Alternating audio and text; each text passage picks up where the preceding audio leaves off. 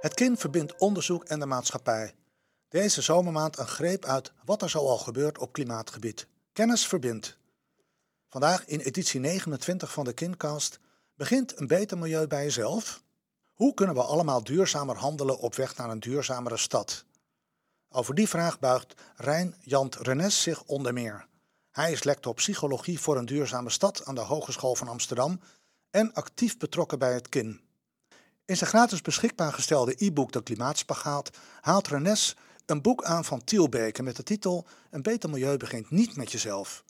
Volgens Tielbeke gaat een beetje minder vliegen, korter douchen of iets meer vegetarisch eten het verschil niet maken. Toch stelt het IPCC-rapport uit 2018 dat maatregelen op het gebied van gedrag en leefstijl al hebben geleid tot significante emissiereducties over de hele wereld en dat ze aanzienlijke reducties in de toekomst mogelijk kunnen maken. Een beter milieu begint dus ook bij jezelf. Midden in de coronacrisis was Renes onderdeel van de corona-gedragsunit van het RIVM. Hij leerde veel lessen in die periode en zag dat het wel degelijk mogelijk is dat we met ons allen ons gedrag aanpassen. Nu adviseert hij samen met andere gedragswetenschappers het ministerie van Economische Zaken en Klimaat over hoe gedragskennis benut kan worden bij het klimaatbeleid. Op human.nl deelt Renes een aanpak die niet alleen goed is voor het milieu, maar ook gelukkiger schijnt te maken, zo blijkt uit onderzoek door Groningse wetenschappers. Met zijn onderzoeksgroep kijkt Renes naar vier gebieden waar je keuzes in kan maken: wonen, reizen, eten en consumeren.